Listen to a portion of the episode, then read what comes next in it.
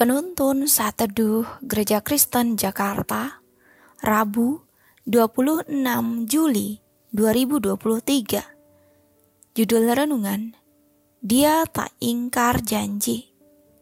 Nats Alkitab terambil di dalam kitab Yesaya pasal 43 ayat 2 sampai 3a Apabila engkau menyeberang melalui air, aku akan menyertai engkau. Atau melalui sungai-sungai, engkau tidak akan dihanyutkan. Apabila engkau berjalan melalui api, engkau tidak akan dihanguskan, dan nyala api tidak akan membakar engkau. Sebab akulah Tuhan Allahmu yang Maha Kudus, Allah Israel, Juru Selamatmu.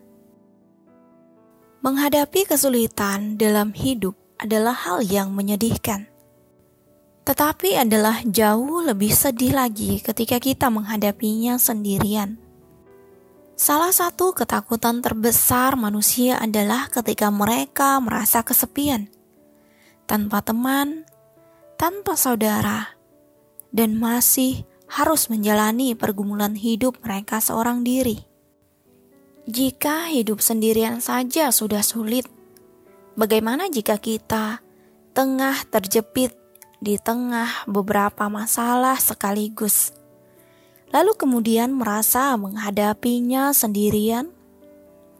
Memang benar bahwa kita tidak bisa sepenuhnya berharap kepada orang lain untuk menolong kita setiap kali kita menghadapi masalah.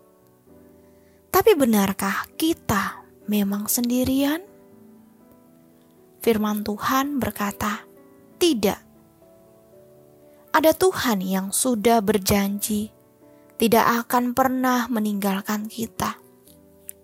Dan kita tahu bahwa Tuhan tidak akan pernah ingkar janji. Dia hadir dengan kasih dan kuasanya yang tak terhingga dia mampu melindungi anak-anaknya dengan segala cara, bahkan lewat cara-cara yang ajaib dan tak terselami akal sekalipun.